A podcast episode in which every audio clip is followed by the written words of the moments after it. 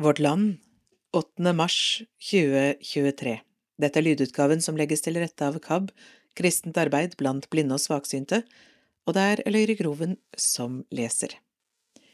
Forsiden i dag er fylt med navn. Mannenavn i svart og damenavn i rødt, og det er mange flere svarte navn enn røde navn.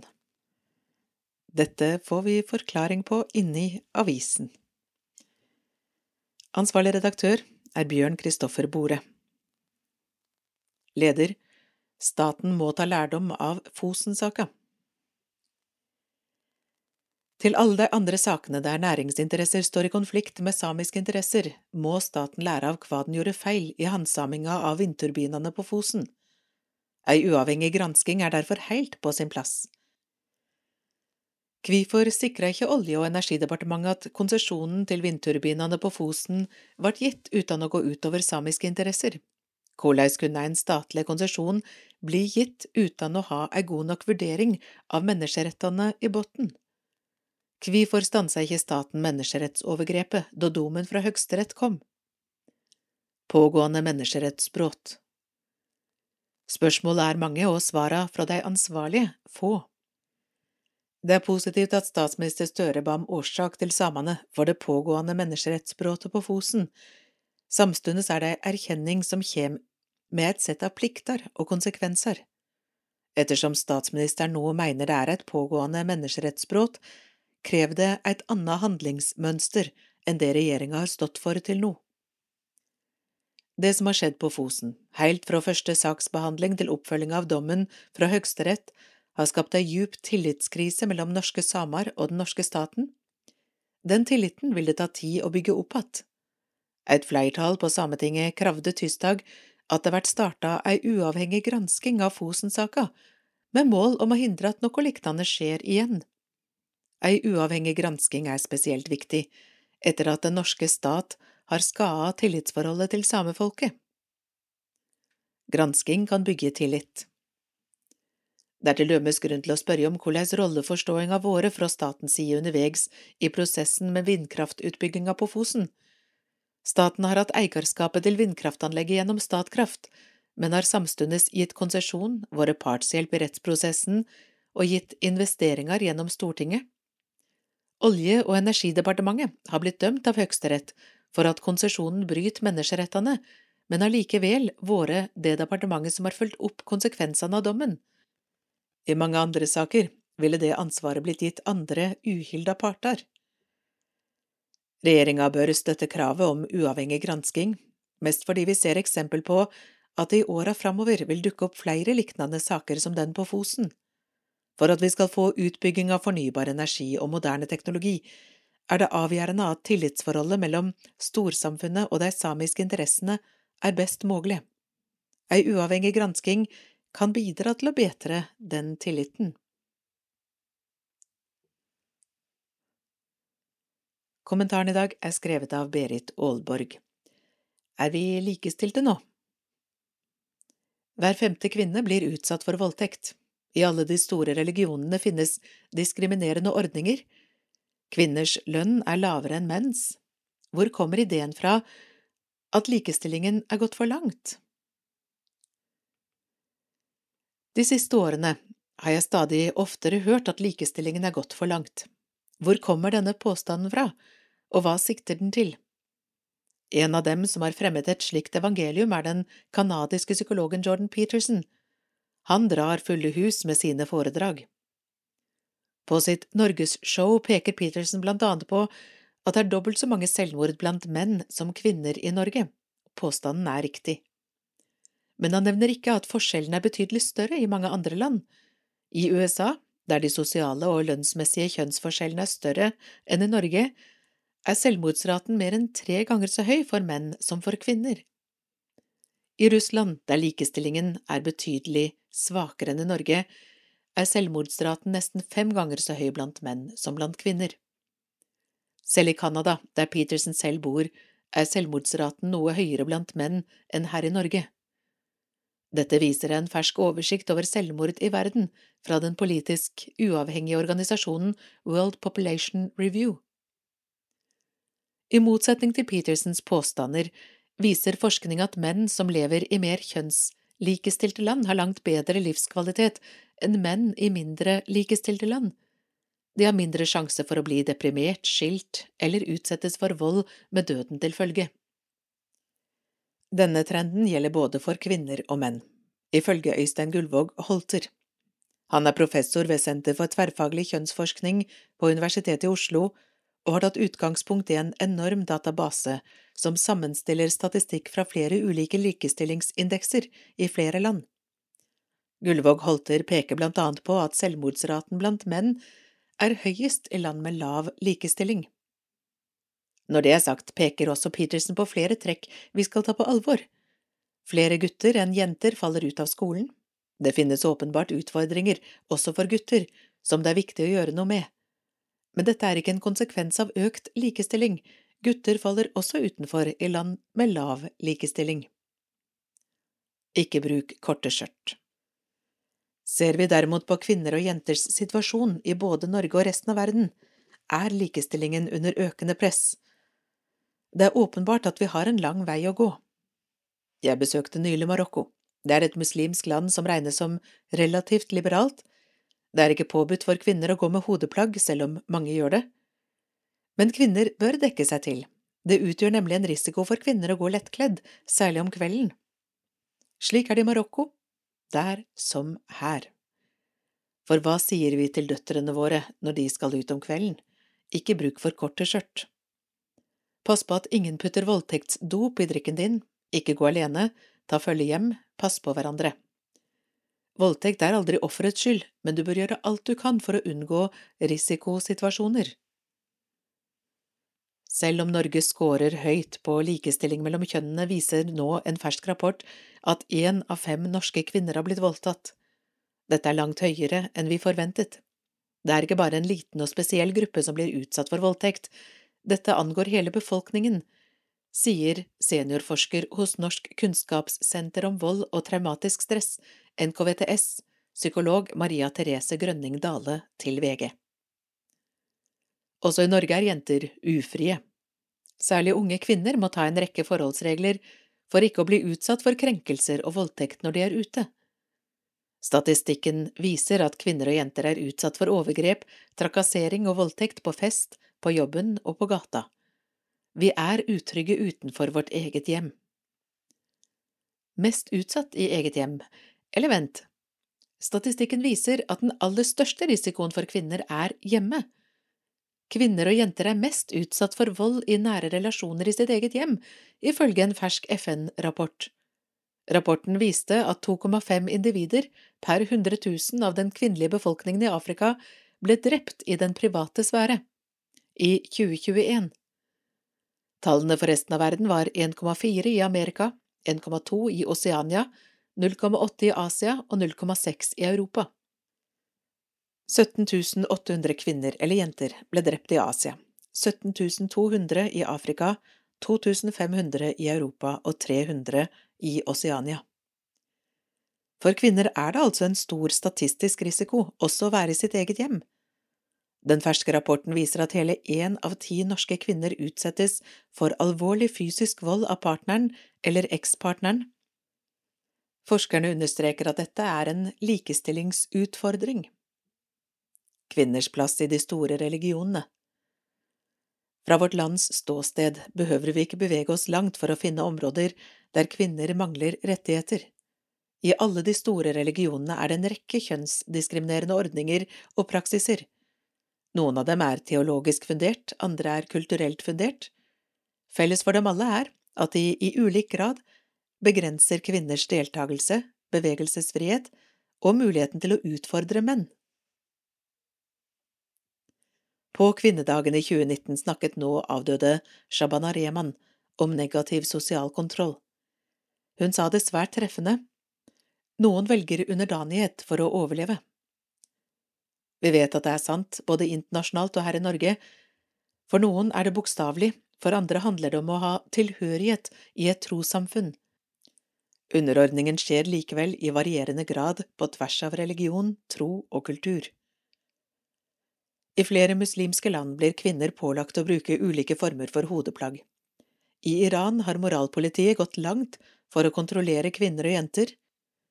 Hundrevis er blitt henrettet i kampen for kvinners rettigheter.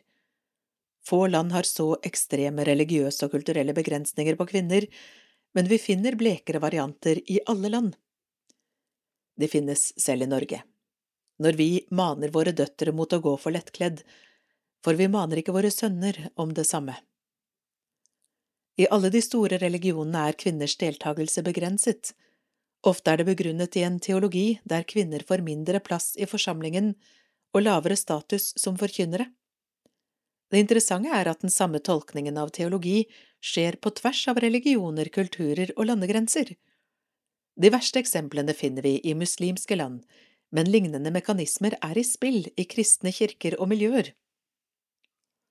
Ulik lønn for likt arbeid De siste årene har det vært mye fokus på ulik lønn mellom kvinner og menn. Lønnsforskjellen blir ofte forklart med et delt arbeidsmarked og kvinners deltidsarbeid. Disse forklaringene skal vise hvorfor lønnsforskjellene er naturlige og forklarlige. Dessverre tydeliggjør disse lønnsforskjellene to ting. Typiske kvinneyrker er lavere verdsatt, og i disse yrkene er det også vanskeligere å få heltidsjobb. Det gjør at kvinner blir mer avhengig av å bli forsørget av menn. Det som er like alvorlig, er innholdet i en undersøkelse NRK presenterte rett før jul. Den viser at ulik lønn for likt arbeid er mye vanligere enn antatt. Lønnsdata fra alle norske arbeidstakere fra 30 til 55 år er inkludert i forskningen. Det tilsvarer rundt 950 000 personer. Mer enn en tredjedel av kjønnsforskjellen i både årslønn og timelønn i Norge skyldes at kvinner får mindre betalt for å gjøre samme jobb. Førsteamanuensis i sosiologi ved Universitetet i Oslo, Are Skeie Hermansen, kommenterer det slik. I all hovedsak har tidligere studier konkludert med at lønnsforskjellene skyldes at menn og kvinner sorteres inn i ulike jobber. Det var overraskende å finne ut at lønnsforskjellene er såpass store som de er på jobbnivå. I en rapport fra CORE, Senter for likestillingsforskning, er rapportering i de 50 største norske virksomhetene analysert. En av konklusjonene er at ubevisste fordommer kan føre til diskriminering i flere sammenhenger, for eksempel i rekrutteringsprosesser, ved lønnsfastsettelse og ved forfremmelse. På kvinnedagen og alle andre dager er det viktig å minne om dette. Vi skal feire at likestillingen i Norge er kommet et godt stykke på vei, men verken menn eller kvinner bør akseptere den skjevbehandlingen kvinner systematisk blir utsatt for. Om ikke menn ønsker å engasjere seg for kvinners del, bør de gjøre det for sin egen. God likestilling er et gode, også for menn. I nyhetene så starter vi da med forsidesaken som handler om forkynnelse. Her forkynte flest og færrest kvinner i fjor, av Kristine Bangren Gripsgård. Vårt Land har undersøkt hvor mange kvinner som talte i ni store frikirkelige forsamlinger i fjor. Josefine Jylands forsamling, Misjonssalen Oslo, er helt i toppen. I bunnen finner vi en pinsemenighet. Hvordan var det, da? Josefine Jyland leter etter svaret på hvordan hun fikk mulighet til å tale i Misjonssalen i Oslo første gang, og hun finner det raskt. Nei, det var nok litt tilfeldig. Forespørselen var litt slik, vi trenger noen til å tale, kan du, Josefine. Jeg fikk vel et lite inntrykk av at jeg skulle fylle et tomrom, sier Jyland og legger til. Det var på den første gudstjenesten i et høstemester at det var en folk har fortsatt på ferie og ingen i Oslo-stemning. I anledning kvinnedagen 8. mars har Vårt Land undersøkt hvor mange kvinner som talte på gudstjenester i noen av landets mest toneangivende fri- og lavkirkelige menigheter i 2022.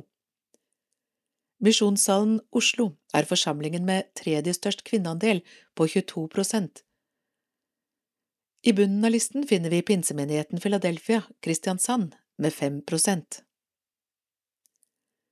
Josefine Gyland er lærerstudent og har nettopp fullført en praksisdag ved Marienlyst skole idet hun låser opp dørene til Misjonssalen Oslo, som tilhører Norsk-Luthersk Misjonssamband, Misjonssambandet. Her forkynner Gyland omtrent to ganger i semesteret, på formiddagsgudstjenesten. Hadde du noen kvinnelige forkynnerforbilder da du vokste opp? Jeg tenkte aldri så mye over hvem som gjør hva, jeg har vokst opp med at alle gjør alt. Vi hadde ikke nok jenter til å ha et eget fotballag, så da måtte vi spille med guttene. Det var ikke før jeg kom til Oslo at jeg skjønte at det finnes folk som har opplevd andre ting. Et bevisstgjørende prinsipp I Misjonssambandet er det bare menn som kan ha et såkalt hyrde- eller læreansvar. Det skyldes at misjonsorganisasjonen mener at Bibelen gir kvinner og menn noe ulike oppgaver i en kristen menighet. I praksis betyr det at enkelte roller, slik som pastor, forsamlingsleder og generalsekretær, er forbeholdt menn. Selv om kvinner ikke kan ha det øverste ansvaret for organisasjonens lære, har det likevel vært vanlig med kvinnelige forkynnere. Det kommer til uttrykk i Misjonssalen i Oslo, hvor ti kvinner sto på plattformen og talte under fjorårets gudstjenester. Mange vil si at Misjonssambandet har et konservativt kvinnesyn. Absolutt, repliserer Jyland.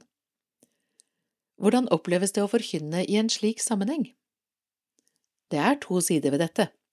Jeg opplever meg heiet på i misjonssalen, men det er en stor forsamling, så det er sikkert noen som tenker sitt i det stille, men totalopplevelsen er god for min del. Så har jo jeg andre tanker om tjenestedelingsprinsipp og sånn, men andre folk kan mer om dette enn meg. Men tjenestedelingsprinsippet i Misjonssambandet… Jeg synes det er vanskelig å ha en troverdig praksis på det, da, sier Jylland.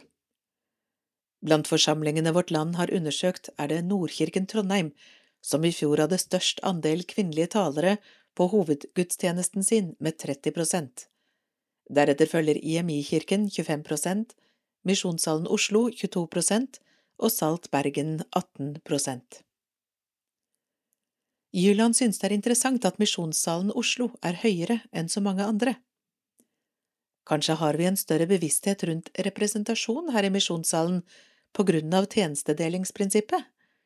Så vet jeg ikke om Misjonssalen Oslo representerer Misjonssambandet generelt, sikkert ikke, men jeg tror det ligger høyt i bevisstheten til folk i organisasjonen. Bør ha et måltall. Ingvild Lofte Arntzen reiste i 2014 en debatt om den daværende manglende kvinneandelen i toppstrukturen i pinsebevegelsen. Den gang pekte hun på strukturelle hindringer som gjorde at mennene alltid rykket foran kvinnene i køen når lederposisjoner i kirker skulle deles ut. Vårt Land har vist henne tallene for 2022. Disse tallene tyder på at tematikken ikke har blitt jobbet strategisk med. Det holder ikke med gode intensjoner, man må ta noen bevisste valg, der har det skortet, sier hun. Hvilke bevisste valg? Å velge aktivt å se etter kvinnelige ledere og forkynnere, og bruke dem i større grad. En del jenter og kvinner trengs også å utfordres ekstra. Vi har ikke en kultur for at det har vært så mange kvinnelige forbilder. Du kan ikke bare spørre den samme mannen du vet at har talen klar, sier ofte Arntzen. Hun tror også at de nasjonale styrene må jobbe med tematikken. Det kan dreie seg om egne lederutviklingsprogram eller forkynnerprogram for jenter, man må investere litt ekstra i den gruppen man ønsker å få opp og frem. Hun har også troen på å bruke måltall som en driver for økt representasjon. Jeg tror det hadde vært nyttig å sette seg noen mål. I løpet av ett år burde man for eksempel ha et visst antall kvinner på plattformen. Det bevisstgjør dem som legger forkynnerturnuser. Ofte Arntzen mener det har en verdi i seg selv at det står en kvinne på scenen. Man skal ikke undervurdere det å ha et forbilde eller å ha noen å kjenne seg igjen i. Jeg vet at det er veldig mange kvinner der ute som har masse bra å komme med. Det er ni år siden du reiste en debatt om representasjon blant kjønnene. Hvorfor tror du det fortsatt er slik at andelen kvinnelige forkynnere er så lav? Jeg opplever jo at det er en økt bevissthet rundt representasjon og et ønske om bredere representasjon, men at det mangler et systematisk arbeid for å få det til endring over tid. I 2018 gjennomførte Norges kristne råd, NKR, en undersøkelse blant sine medlemsorganisasjoner som kartla kjønnsbalansen i styrer og råd. Arbeidet ble gjort i forbindelse med ny trossamfunnslov. Enkelte politiske partier krevde radikal kjønnskvotering i styrene, lik den man hadde i børsnoterte selskap. I tillegg har representasjon vært en samtale internt hos oss også, forteller generalsekretær Erhard Hermansen i Norges kristne råd. Funnene viste at kvinner deltar i styrene til alle trossamfunn som er medlemmer i Norges kristne råd. Samtidig ble undersøkelsen også en vekker for enkelte kristne trossamfunn. Mens Den norske kirke hadde høyest kvinneandel i styrer og råd, med 59 prosent, var Det evangelisk-lutherske kirkesamfunn DLK og Frikirken i bunnen av listen, med henholdsvis 9 og 18 prosent kvinner. I 2022 er kvinneandelen blant prester i Den norske kirke 38,7 prosent. Noen av våre medlemssamfunn fikk klarhet i at det var veldig lav deltakelse blant kvinner. Frikirken fikk bekreftet at det var svært få kvinner i styrer og råd, da uttalte synodeleder Jarle Skullerud at Frikirken skulle iverksette et systematisk arbeid for å øke representasjonen i styrer, forteller Hermansen. Hermansen har inntrykk av at dette har gitt resultater, og at systematisk arbeid virker. Ofte Arntzen har tatt til orde for konkrete måltall for å øke kvinneandelen i forkynnelsen, hva tenker du om det? Måltall kan være et godt utgangspunkt for å øke kvinneandelen. Dette er et sammensatt bilde, Kanskje kunne vårt land ha truffet på åtte frikirker hvor prosentandelen var vesentlig høyere enn de som nå er undersøkt. Det er mange menigheter i våre medlemskirker som har kvinnelig hovedpastor. Det ville overrasket meg om ikke kvinneandelen blant forkynnerne var høyere i disse menighetene, legger Hermansen til. Humor som virkemiddel Motiverende taler det er ordene Jyland har plassert i biografifeltet på Instagram-kontoen Josefine Gy, hvor hun publiserer mange humoristiske og satiriske innlegg. Humor er også et virkemiddel Jyland bruker i forkynnelsen sin. Jeg opplever at jeg kan fylle rommet som forkynner slik jeg vil. Det viktigste er å ta bibelteksten på alvor, hente frem poengene derfra og peke på Jesus. Det er ikke viktig å ha et standup-show, men bruk av humor kan jo være et pedagogisk grep for å koble på folk. I høst hadde forkynnerne i misjonssalen egne talerteam. De forberedte seg i fellesskap og ga tilbakemeldinger til hverandre på forkynnelsens innhold, presentasjon og forkynnerens kommunikasjon. Det er jo noe skummelt med å være jente i 20-åra, altså ganske fersk, og skulle få evaluering av folk som jobber på teologiske høyskoler, men jeg lærte mye av det, og så må man bare tørre, sier hun og konkluderer. Her er jeg, det er dette jeg kan bidra med, dere har spurt meg, dere vet at dere får en lærerstudent. For lite. Hva tenker du når du kommer ned igjen fra scenen etter at du har forkynt? Helt uavhengig av alder og kjønn, så er forsamlingen en søndag formiddagsgjeng. Det er kanskje litt lite mimikk i forsamlingen, og det kan være vanskelig å lese. Det å sette seg ned på første rad igjen, etterpå, er alltid et litt sårbart øyeblikk, men så lander jeg greit, jeg opplever liksom å bli heia på likevel. Ofte Arntzen tar til orde for et konkret måltall, hva tenker du om det? Ikke for enhver pris, men jeg tror at måltall gjør noe med innstillingen. Å få flere kvinnelige forkynnere skjer ikke automatisk. Det er veldig få ting i livet som skjer automatisk. Noen ganger må man velge bort noen dyktige menn for å få inn noen dyktige kvinner. Det er for lite at det kun står én kvinne på scenen tre eller fire ganger i løpet av et helt år. Nå skal vi til diskriminering, men en annen type. Hver tredje muslim har skjult sin identitet. Av Elias Bakken Johansen. Det er trist at så mange mener de lever et enklere liv dersom de dysser ned egen tro sier forsker Mona Abdel Fadil. Hver tredje muslim har skjult sin religiøse identitet for å unngå negative holdninger. Det viser en fersk rapport fra Integrerings- og mangfoldsdirektoratet, IMDi.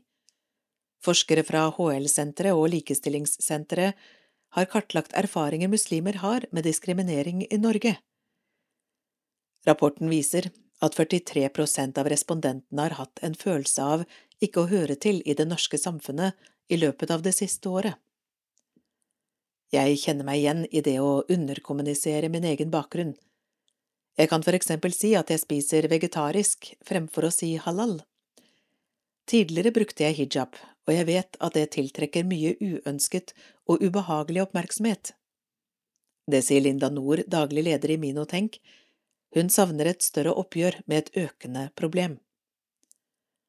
Jeg skulle ønske vi kunne få til en samtale om forestillingen om norskhet, og hva det er lov til å være og ikke innenfor det. Narrativet om at islam og det norske er i et konstant motsetningsforhold, er farlig.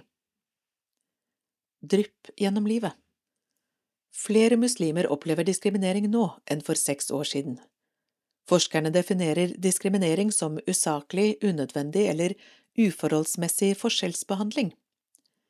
Linda Nord roser den kvalitative tilnærmingen og mener det er viktig å vise hvordan ulike former for diskriminering faktisk ser ut. Jeg tror mange som oppfører seg fordomsfullt mot muslimer, ikke forstår hvor slitsomt det er å oppleve. Det er noe med omfanget av mange drypp gjennom livet som blir ganske belastende, mener Minotenk-sjefen. Flere kvinner forteller om å bli stilt overfor valget mellom jobb eller å bære hijab. En av dem beskriver en opplevelse på en jobb i butikk. Sitat. Plutselig kom sjefen og sa at hun hadde hatt en kunde innom som hadde sagt at hun skulle slutte å handle hvis jeg fortsatte å jobbe der. Da gikk jeg bare på ungdomsskolen. Jeg var helt satt ut. Jeg husker jeg gråt. Jeg fikk valget mellom å ta av meg hijaben og fortsette å jobbe, eller bare gå hvis jeg fortsatte å bruke den. Sitat slutt. Flere informanter forteller at de jobber hardere og smiler mer for å unngå fryktet ekskludering, mens for andre førte erfaringene med diskriminering til sosial tilbaketrekking. En betent samtale Mona Abdel Fadil, forsker to ved HL-senteret, forteller at funnene deres viser at det å være synlig muslim har tydeligere negative konsekvenser enn om det ikke er synlig. Hun trekker særlig frem bruk av hijab, men også mat og drikke på arbeidsplassen eller i sosiale situasjoner. At så mange som en tredjedel har skjult sin religiøse identitet, opprører henne. Det sier mye om hvor betent den offentlige samtalen om islam og muslimer er. Det er trist at så mange mener at de lever et enklere liv dersom de dysser ned egen tro. Samtidig er det en forståelig strategi, sier Abdel Fadil. Flere av informantene i studien, som alle har erfaringer med diskriminering, beskriver en fysisk og psykisk slitasje. Det er den største forklaringen på hvorfor en del velger å skjule troen sin når de kan. De vet at det kommer lite godt ut av å være det tydelig, sier Abdel Fadil. Må ta grep. Forskeren håper rapporten kan brukes til å motvirke den økende diskrimineringen. Hun trekker frem en av de fem anbefalingene som ledsager rapporten, et lavterskeltilbud for psykisk helse. Vi må anerkjenne at det har en stor kostnad å bli utsatt for denne type diskriminering, sier Abdel Fadil. Samtidig er hun klar på at det ikke først og fremst er dem som opplever diskriminering som må ta grep. Hun mener blant annet arbeidsplasser må lenger frem. Vi ser at det å tilby halalmat eller Tilrettelegging for bønn er et forsøk på inkludering som i praksis kan føre til sosial ekskludering fordi man ikke har jobbet nok med holdninger og reell inkludering.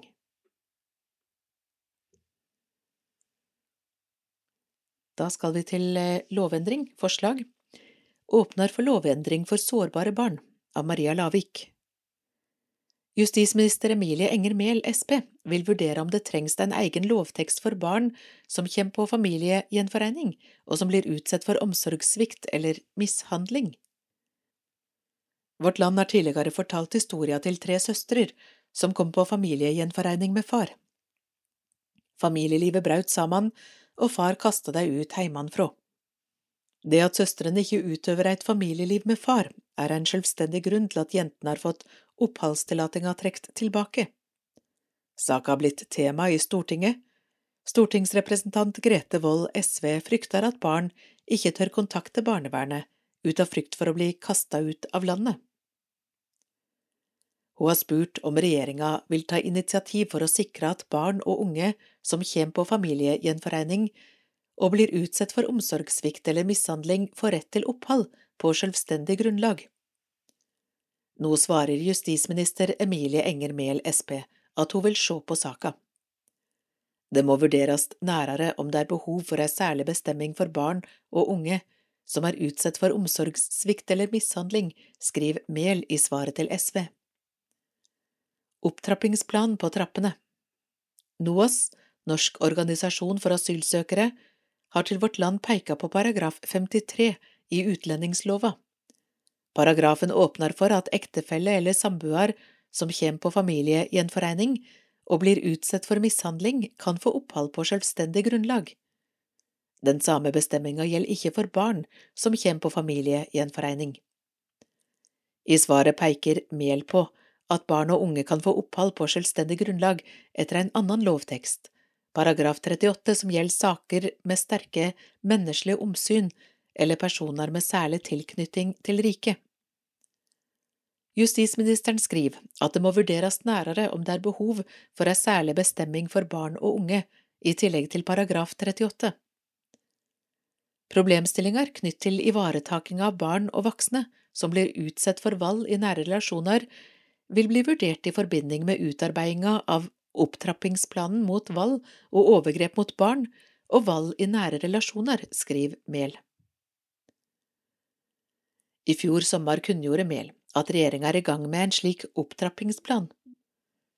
Det skjedde etter at Riksrevisjonen kom med en rapport som viste alvorlige svakheter ved styresmaktenes innsats mot vold i nære relasjoner. Raut stiller forslag for Stortinget. SVs Grete Wold er halvvegs nøgd med svaret hun har fått. Jeg hadde håpa på klarere svar fra justisministeren. Samtidig opplever jeg at Mehl gir ei lite åpning for at det bør vurderes å endre paragraf 53 i utlendingslova. Så skal vi selvsagt følge opp denne saka med ministeren, sier Vold til Vårt Land. Raut har tidligere varsla at de vil foreslå ei lovendring som del av Rauts representantforslag om bedre vern mot partnervold for kvinner med flyktning- og innvandrerbakgrunn. Vil SV stemme for et slikt forslag? Om det kommer et forslag fra Raut som vi i SV mener svarer på denne utfordringa, så vil vi stemme for, men siden disse forslagene trolig ikke får flertall, så tar SV det videre. Da skal vi til en NTB-sak om kvinners rettigheter. Rettigheter under press, kampen fortsetter. Kvinners rettigheter er under sterkt press flere steder i verden, men aktivister kjemper videre mot undertrykkelse og overgrep, og det er flere lyspunkter. I USA og deler av Europa er retten til selvbestemt abort igjen under angrep, noe som har ført til ny kamp og mobilisering. I krigsherjede land som Kongo, Etiopia og Ukraina brukes massevoldtekt som våpen. Afghanistan under Taliban er på nytt på vei tilbake til middelalderen, og i Iran håndhever det såkalte moralpolitiet strenge kleskoder for kvinner. Men selv om tilbakeslagene er mange, finnes det også lyspunkter. Abortkamp Amerikansk høyesterett opphevet i juni i fjor den 50 år gamle Roe versus Wade-kjennelsen som legaliserer abort i USA. Rundt 20 av landets 50 delstater har siden enten forbudt eller på dramatisk vis innskrenket retten til abort. Også i EU-landene Ungarn og Polen er kvinners rett til selvbestemt abort kraftig innskrenket. Retten var allerede svært begrenset i land som Spania og Italia, der mange leger nekter å utføre slike inngrep av religiøse eller samvittighetsmessige grunner, ifølge organisasjonen Abortion in Europe, Women Decide. I Frankrike kjemper aktivister nå for å få rett til selvbestemt abort inn i landets grunnlov, og et utkast til ny lov ligger nå på bordet. Flere land i Latin-Amerika er også i ferd med å liberalisere streng abortlovgivning, og i Colombia ble abort opptil 24. uke legalisert i fjor, uansett begrunnelse. Forverring i Afghanistan Utviklingen i Afghanistan har vært dramatisk for kvinner, siden Taliban kom til makten høsten 2021. Landet har aldri vært noe lysende eksempel til etterfølgelse når det gjelder kvinners rettigheter, men de nye makthaverne nekter jenter adgang til videregående skoler og høyere utdanning. Kvinner nektes også å utføre visse jobber og er i økende grad henvist til hjemmet. Protester mot de strenge tiltakene slås hardt ned på, og aktivister fengsles. Kvinner som på fredelig vis protesterer mot disse undertrykkende tiltakene, blir truet, pågrepet, fengslet, torturert og forsvinner, konstaterer Amnesty International, som ber verdenssamfunnet øke presset på Taliban. Iranske protester Iranske kvinner har også begrensede rettigheter og er blant annet underlagt streng kleskode og pålagt å dekke til håret. I september i fjor døde den 22 år gamle kurdiske kvinnen Masha Amini i det såkalte moralpolitiets varetekt etter å ha blitt stanset på gaten i Teheran noen dager tidligere. Dødsfallet utløste store protester. Unge kvinner ledet an, slagordet Kvinne, liv, frihet runget i iranske byer, og videoer av kvinner som kastet og satte fyr på hijaben, ble spredt i sosiale medier. Det resulterte også i støttedemonstrasjoner i en rekke byer verden over. Regimet i Iran slo hardt ned på demonstrantene. Flere hundre ble drept, og mange er kastet i fengsel. Det har ført til kraftige internasjonale protester og nye sanksjoner mot landet. Iranske myndigheter har på ulovlig vis brukt overdreven og dødelig makt mot demonstranter, slår Human Rights Watch fast. Krigen i Ukraina Russlands invasjon av Ukraina har hatt ødeleggende konsekvenser for jenter og kvinner i landet, slår FN fast i en rapport. Rapporten viser en alarmerende økning i kjønnsbasert vold, og den avdekker også hvordan ukrainske kvinner har blitt tvunget til sex i bytte mot mat, utsettes for seksuelle overgrep av soldater og ender opp som ofre for menneskehandel. Først elleve år etter at Ukraina undertegnet Istanbul-konvensjonen om forebygging og bekjempelse av vold mot kvinner og vold i nære relasjoner, ble den i fjor ratifisert av myndighetene i landet. Det har også kommet meldinger om bruk av massevoldtekt som våpen i Ukraina, slik det også brukes i andre kriger og konflikter, som får langt mindre oppmerksomhet. Både i Kongo og Etiopia var det i fjor omfattende bruk av massevoldtekter uten at noen er stilt til ansvar for dette. Det samme var trolig tilfellet i flere andre konfliktområder i verden. Rollemodeller Selv om kvinners rettigheter er innskrenket i flere land, markerer kvinner seg også stadig sterkere innenfor områder som tidligere var mannsdominerte områder. Den ukrainske matematikeren Marina Vyazovska ble i fjor tildelt den prestisjetunge Fields-medaljen, som bare én gang tidligere er tildelt en kvinne siden opprettelsen i 1936. Det var også to kvinner å finne blant nobelprisvinnerne. Franske Anne Arnault fikk Nobels litteraturpris, og amerikanske Caroline Bertozzi fikk nobelprisen i kjemi.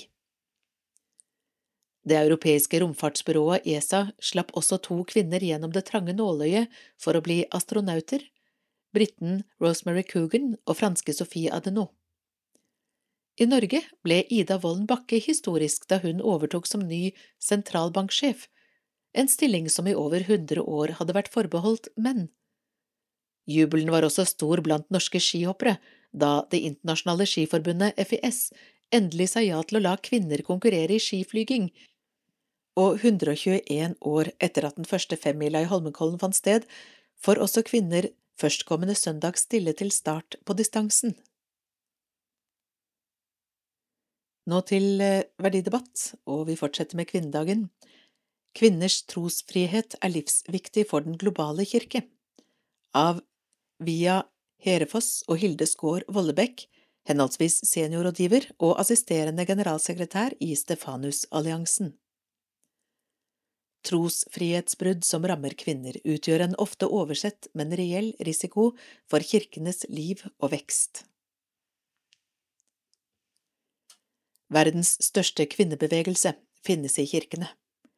Kvinner utgjør flertallet av kirkenes medlemmer og er uvurderlige i sin innsats for evangelisering og kirkebygging. Men trosfrihetsbrudd som rammer kvinner, er ofte oversett. Det utgjør en undervurdert, men reell risiko for kirkenes liv og vekst. Global kvinnebevegelse Kristendommen er en global kvinnebevegelse. Dette er hovedpoenget i den nyeste boken til doktor Gina Surlo, Women in World Christianity – Building and Sustaining a Global Movement, som kommer ut i år. Boken bygger på verdensomspennende forskning som kartlegger kvinners rolle og plass i kirkene globalt. Religionssosiologer har lenge visst at kvinner i større grad enn menn er religiøst aktive, og doktor Surullo viser til eksempler som illustrerer trenden. Et av de mest synlige hovedtrekkene ved de afrikanske kirkene er at et flertall av medlemmene er kvinner. De spiller ofte en avgjørende rolle som aktive deltakere og pådrivere i kirkens arbeid, selv om de sjeldnere har offisielle lederverv. En representant for den katolske kirken i Benin forteller at når du besøker kirken, vil du raskt se at kvinnene utgjør flertallet i menigheten. Av dem som er til stede på gudstjenesten, er kanskje 80 prosent kvinner. Ifølge Det internasjonale senteret for evangelisering i Burkina Faso er omtrent 90 prosent av medlemmene i kirkene der kvinner. Tilsvarende kan observeres i de fleste afrikanske land. Protestantisk kristendom i Sør-Korea og Kina er også kvinnedominert. I den presbyterianske kirken i Sør-Korea er 70 prosent av medlemmene kvinner. I enkelte områder i Kina har kvinner utgjort 94 av medlemmene i de protestantiske kirkene. I en spørreundersøkelse fra 2007 var 73 prosent av protestantene i Kina kvinner. Trosfrihet under press Kvinners bidrag til den globale kirke handler ikke bare om tall. Fra de tidligste menighetene har kvinners bidrag vært helt avgjørende for kirkenes overlevelse og vekst. I dag er kvinner fortsatt blant de mest aktive og effektive misjonærene rundt om i verden. Mange steder er kvinner hovedansvarlige for opplæring av barn og ungdom. Slik bidrar de til at troen blir overført til neste generasjon, noe som er vesentlig for kirkens fremtid. Kvinner spiller også en viktig rolle i sammenhenger der trosfriheten er under press. Stefanusalliansens partner, som tilbyr opplæring til ledere i undergrunnskirkene i Iran, rapporterer at over 60 prosent av husmenighetene ledes av kvinner.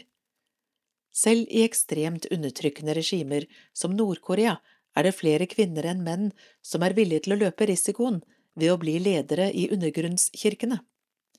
Ifølge forskningen til Korea Future Initiative, som dokumenterer trosfrihetsbrudd i Nord-Korea, blir kristne kvinner ofte uformelle ledere som opererer i det skjulte. Slik utfordrer de statens kontroll over kvinners kropper og sjeler, og de setter andre religiøse kvinner i stand til å bli motstandsaktører. Mangel på kunnskap og støtte det er flere grunner til at kvinner er i stand til å fylle så mange og viktige roller i de forfulgte kirkene. De har ofte større sosiale nettverk.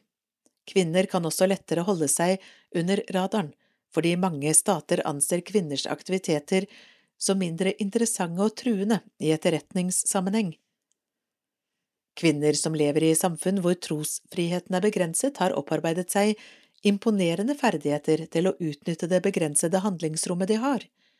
De har blitt mestere på å utnytte kvinners usynlighet i hermetegn til sin fordel. Til tross for at kvinner utgjør et klart flertall av medlemmene i den globale kirke, mangler det fortsatt kunnskap om hvordan religiøs forfølgelse og trosfrihetsbrudd påvirker kvinner annerledes enn menn. Det mangler bevissthet rundt at kvinner rammes av dobbel diskriminering, både på bakgrunn av kjønn og tro. For eksempel utsettes ofte kvinnelige konvertitter for mer omfattende og grusomme sanksjoner enn menn. Det kan være ekstrem fysisk og psykisk vold, fratagelse av omsorg for barn, eller i de groveste tilfellene voldtekt eller drap iscenesatt av familien. Men forfølgelsen av kvinner skjer mer i det skjulte enn angrepene på menn. Verdens største kvinnebevegelse vi vet at 80 prosent av verdens befolkning lever i samfunn hvor muligheten til fritt å velge, praktisere eller endre sin tro er sterkt begrenset. Når kvinner utgjør en så stor andel av den globale kirke, er det avgjørende for kirkens fremtid å sikre kvinners trosfrihet. Vi må synliggjøre hvordan trosfrihetsbrudd påvirker kvinner annerledes enn menn, og støtte tiltak som styrker kvinners trosfrihet, og vi må sammen sørge for hjelp og oppmuntring til kvinner som tar på seg ansvar for de forfulgte kirkenes overlevelse og vekst. Det er på tide å anerkjenne verdien til verdens største kvinnebevegelse. Den er livsnødvendig for kirkene i verden.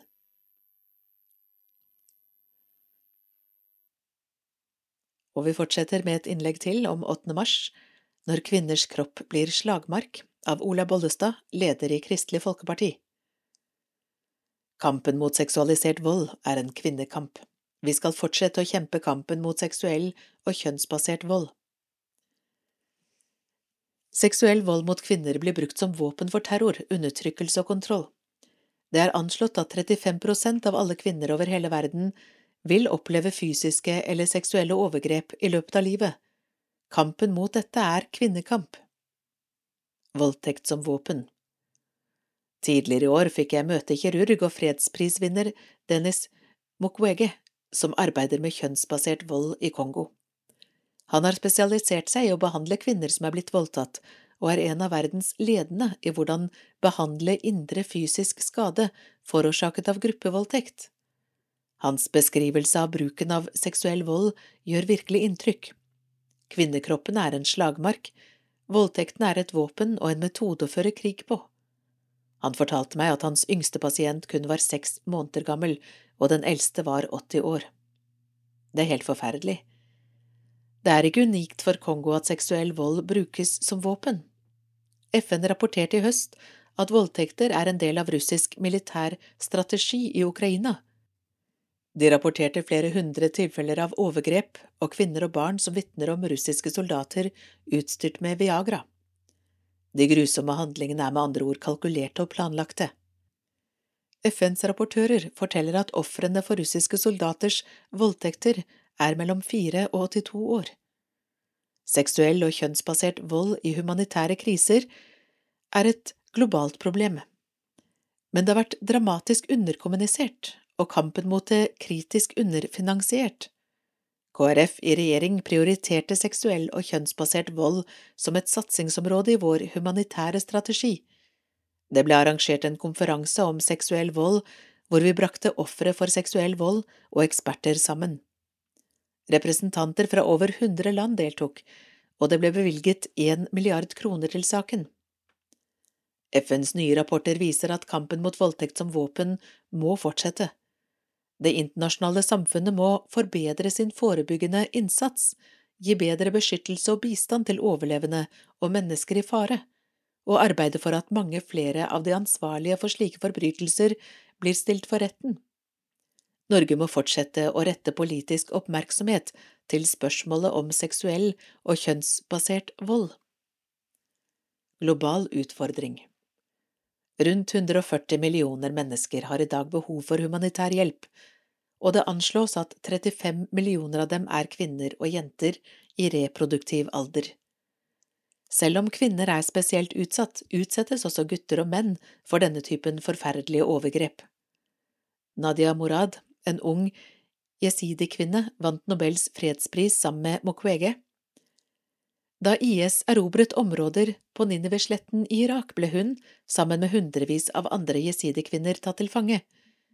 De ble sultet, slått, solgt som sexslaver og tvangsgiftet. I etterkant har Nadia vært en modig talsperson for dem som har overlevd overgrep. Tildelingen av fredsprisen til Nadia Morad og Dennis Mukwege belyste dette temaet. Voldtekt som våpen er billig, uhyggelig og uhyre effektivt. Den tyske journalisten Martha Hillers skrev dette etter at sovjetiske soldater inntok Berlin i 1945. Han har digre hender, og pusten hans lukter alkohol. Hjertet mitt dunker vilt. Jeg hvisker, trygler. Bare én, vær så snill, bare én. Gjerne dem, men kast ut de andre. Hillers beskriver trolig akkurat hvordan det var for bosniske kvinner som ble massevoldtatt under Balkankrigen, for kvinnene som ble voldtatt under folkemordet i Rwanda, og det som ukrainske kvinner utsettes for i dag. Kampen mot seksualisert vold er en kvinnekamp. Vi skal fortsette å kjempe kampen mot seksuell og kjønnsbasert vold, men det er ikke bare kvinner som skal kjempe den, vi skal kjempe den sammen. Og da skal vi til 8. mars og kultur. Tut-tut, toget går av Ulrik Alvær Solli. Men hva står på parolen? Vårt Land har snakket med ni kulturpersoner om kvinnedagen. Internasjonal solidaritet er det viktigste. Det sier forfatter og teolog Ingrid Brekken Melve, som før jul var en av de tre nominerte til Petter Dass-prisen. Hun sier at 8. mars er en egnet dag for å løfte frem ting vi til vanlig ikke snakker om. Hun påpeker at det er veldig mange steder i verden at det fortsatt er kjempevanskelig å være kvinne, og trekker fram Afghanistan som et konkret eksempel. I forlengelsen av dette er 8. mars for Brekken Melve også en dag å vise takknemlighet for de rettighetene man har som kvinne i Norge. For meg er det også en dag det er viktig å vise sin takknemlighet til dem som har tatt kampen før oss. Ingen av de rettighetene vi har i dag, har kommet av seg selv. Internasjonal solidaritet Blant kulturpersonlighetene vårt land har snakket med, er nettopp viktigheten av internasjonal solidaritet, noe som gjentas ofte. Dette gjelder også Bente Jonsrud, festivaldirektør og kunstnerisk leder for Oslo internasjonale kirkemusikkfestival. Solidaritet med iranske kvinner er viktig i år, men generelt også med alle kvinner. Selv er Jonsrud for tiden travel med forberedelser til festivalen, som går av stabelen den 11. mars, og har derfor ikke tid til å gå i tog i år. Samtidig er hun opptatt av å informere om at festivalen kan by på et rikt utvalg av kvinnelige komponister og utøvere, blant dem en rekke komponister oversett av sin samtid. Vi er opptatt av å løfte fram kvinner som ikke fikk den oppmerksomheten de fortjente i sin levetid. Forfatter Arnfinn Nordbø trekker frem også en annen gruppe det er viktig å vise solidaritet med i år, for selv om han ikke har planlagt å gå i 8. mars-tog, er han klar på hva parolen hadde vært om han skulle gått. Solidaritet med Ukraina, fred og frihet for Ukraina, noe i den duren. Nordbø har selv bodd i Ukraina i to år til sammen, sist i 2011. Fra sin tid i landet husker han 8. mars som en viktig dag for befolkningen, selv om hovedfokuset for feiringen var litt annerledes enn i Norge. I Norge er dagen fokusert rundt kvinnekamp, i Ukraina handlet det mer om å hedre kvinner i ens egen omgangskrets. Nordbø har et tett forhold til Ukraina. Det å nå være vitne til lokalbefolkningens situasjon i det krigsherjede landet er derfor noe som går spesielt tett innpå ham. Når du kjenner menneskene som bor der, blir det ekstra nært, sier han. Ytringsfrihet og kvinnekamp Forfatter og samfunnsdebattant Lilly Bandehi skulle i utgangspunktet bruke 8. mars til å holde et foredrag for Sosialistisk Ungdom i Hallingdal. Dette ble imidlertid avlyst, noe som ble begrunnet med Bandehis meninger om islam. Bandehi har fortalt om dette i Subjekt og Nettavisen. Når ytringsfriheten blir så innskrenket at jeg ikke kan kritisere religion, så er det ikke noe poeng å gå i 8. mars-tog, sier Bandehy til Vårt Land. Den viktigste kvinnesakskampen for Bandi er et forbud mot bruk av barnehijab. Hun sier at jenter som opplever mye tvang som barn, fratas muligheten til å utvikle seg til selvstendige kvinner. Hovedparolen under årets 8. mars-markering i Oslo er Jinjian Azadi, på norsk Kvinne, liv, frihet, et slagord benyttet av iranske demonstranter under det siste halvårets tidvis voldsomme protester i landet. Bendihi, som selv opprinnelig er fra Iran, mener parolen er meningsløs om man samtidig støtter barnehijab. Hun sier derfor at de som går under denne parolen, må la kritikken av islam komme frem for å forstå hvorfor iranske kvinner protesterer. Tomme ord hjelper ikke iranske kvinner, sier hun.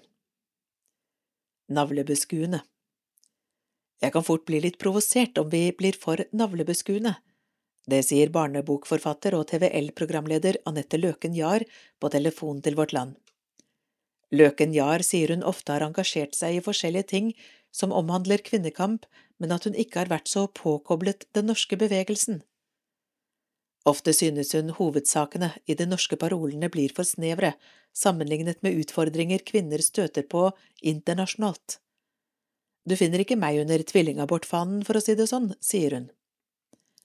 Årets hovedparole finner derimot støtte hos barnebokforfatteren. Kvinners kamp i Iran engasjerer meg voldsomt, det slår meg nå at jeg burde gått i toget.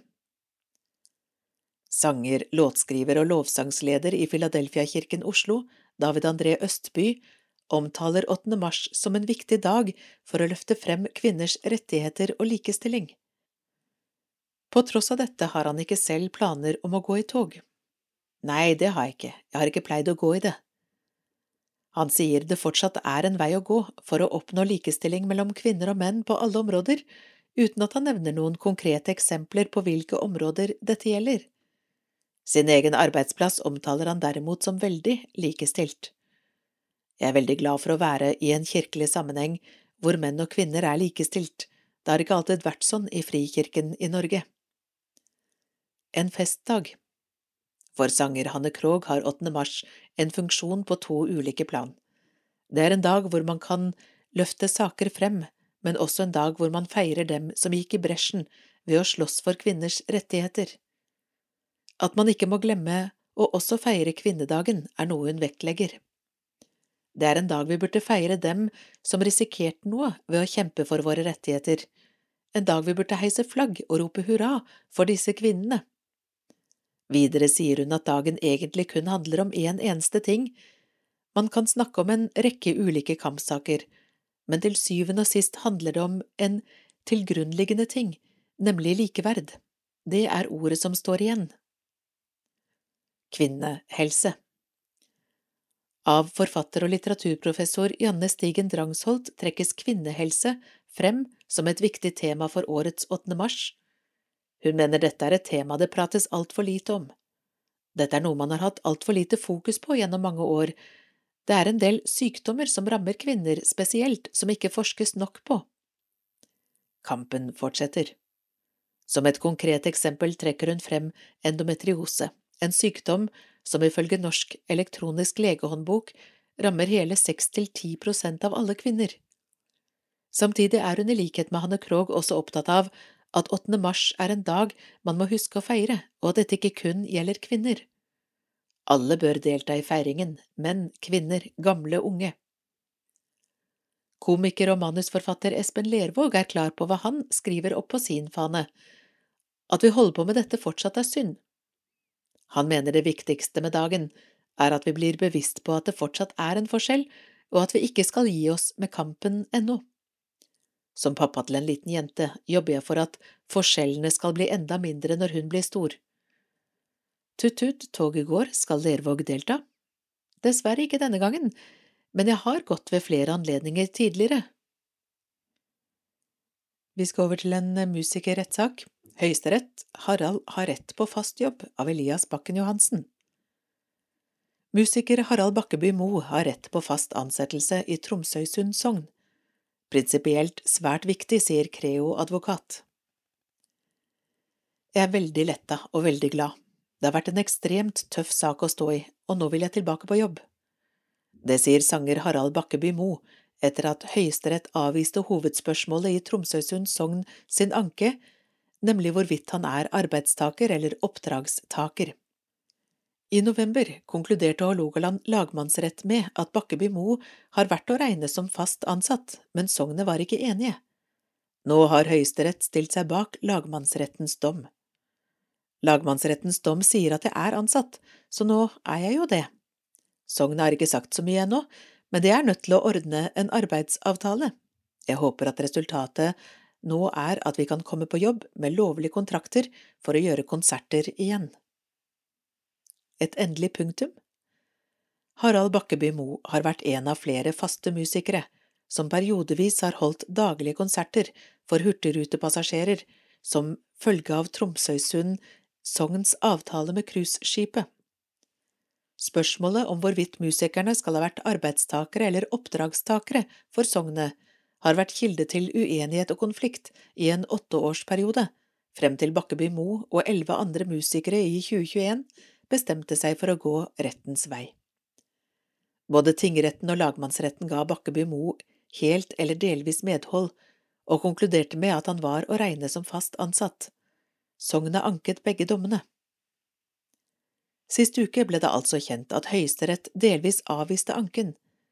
Et spørsmål skal det riktignok ta stilling til, fra hvilket tidspunkt etterinnmeldingen av Bakkeby Mo i sognets pensjonsordning skal finne sted.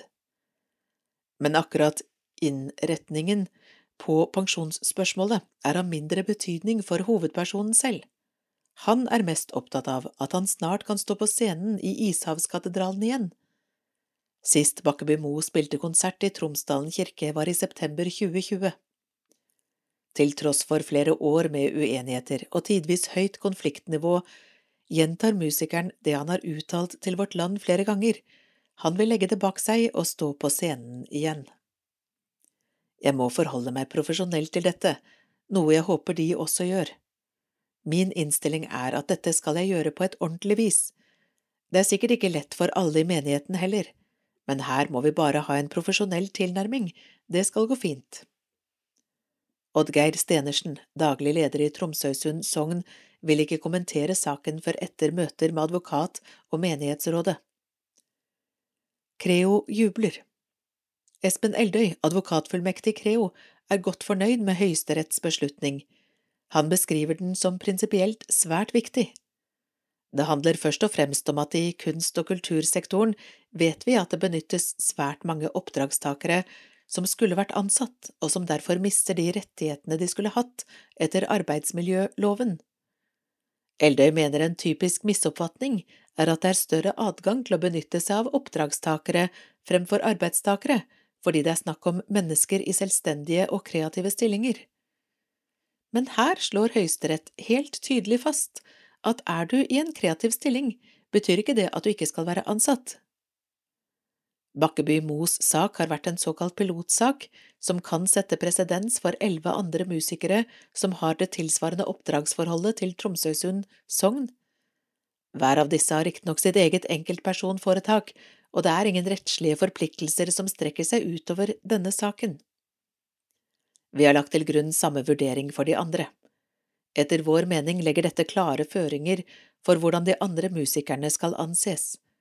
Vi håper nå at vi kan få til en god dialog med menigheten, og at disse musikerne kan komme tilbake på jobb, denne gangen som ansatte, sier Creo-advokaten. Ettertanke Bibelteksten Lukas 1, 39–56 Noen dager senere dro Maria av sted og skyndte seg opp i fjellbygdene til den byen i Juda hvor Zakaria bodde. Der gikk hun inn til Elisabeth og hilste på henne. Da Elisabeth hørte Marias hilsen, sparket barnet i magen hennes. Hun ble fylt av Den hellige ånd og ropte høyt, Velsignet er du blant kvinner, og velsignet er frukten i ditt mors liv. Men hvordan kan det skje at min Herres mor kommer til meg? For da lyden av din hilsen nådde øret mitt, sparket barnet i magen min av fryd, og salig er hun som trodde, for det som Herren har sagt henne skal gå i oppfyllelse. Da sa Maria, Min sjel opphøyer Herren, og min ånd fryder seg i Gud, min frelser. For han har sett til sin tjenestekvinne i hennes fattigdom, og se, fra nå av skal alle slekter prise meg salig, for store ting har han gjort mot meg. Han, den mektige, hellig er hans navn. Fra slekt til slekt varer hans miskunn over dem som frykter ham. Han gjorde storverk med sin sterke arm. Han spredte dem som bar hovmodstanker i hjertet, han støtte herskere ned fra tronen og løftet opp de lave. Han mettet de sultne med gode gaver, men sendte de rike tomhendte fra seg. Han tok seg av Israel, sin tjener, og husket på sin miskunn slik han lovet våre fedre, Abraham og hans ett til evig tid. Maria ble hos Elisabeth i omkring tre måneder, så vendte hun hjem. To portalskikkelser av Knut Grønvik, pensjonert prest. Det er kvinnedagen, og bibelleseplanen tar oss med til en landsby i fjellbygdene vest for Jerusalem. Ein Kerem kalles småbyen i dag. Den ligger i dalbunnen nedenfor Yad Vashem, minnestedet for holocaust. På denne bortgjemte plassen møtes to kvinner. Begge er ganske uventet blitt gravide. For Elisabeth var det nok en etterlengtet glede såpass langt oppe i årene som hun var kommet. For den ugifte Maria, hun var antagelig fortsatt tenåring, var det vel snarere skrekkblandet fryd, tok hun turen til sin eldre slektning for å få støtte og råd. Det ble et hjertelig møte. Begge er fulle av forventning, og begge bærer med seg en hemmelig forvissning. For Maria bobler det over. Store ting har skjedd, store ting vil skje med ord som fortsatt gir gjenlyd på kloden, maler hun bildet av en fremtid der rettferdigheten har seiret. Hun ser for seg en ny og bedre verden, der maktmenneskers konspirasjoner blir avslørt, der undertrykkende herskere er styrtet og makten omfordelt, der fattige og sultne får mat og alt de trenger, mens rikfolk må nøye seg med det de har. Takken, den rettet hun til Gud. Min ånd fryder seg, Gud, min frelser, for han har sett til sin tjenestekvinne i hennes fattigdom. Kampen, den tok de to kvinnene fatt på sammen. Begge bar barna sine fram. Med manges mistenksomme og spørrende blikk rettet mot seg bar de Johannes og Jesus inn i verden. Og ved å gjøre nettopp det ble både Elisabeth og Maria portalskikkelser i kirkens og verdens historie. Begge mødrene og begge sønnene kjempet for rettferdighet. Den kampen er ennå ikke vunnet, mye gjenstår, i kirken og ellers i verden, for jøder og palestinere og alle nasjoner og folk, for kvinner og menn, mødre og fedre, døtre og sønner. Mye kamp og arbeid gjenstår før verden blir slik Maria synger om den.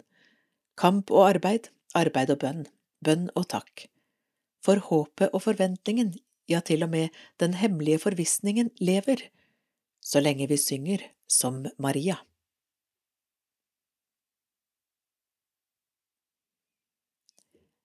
Dagens lydavis er slutt.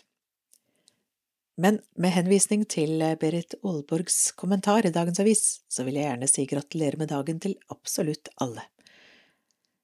Ha en fin 8. mars.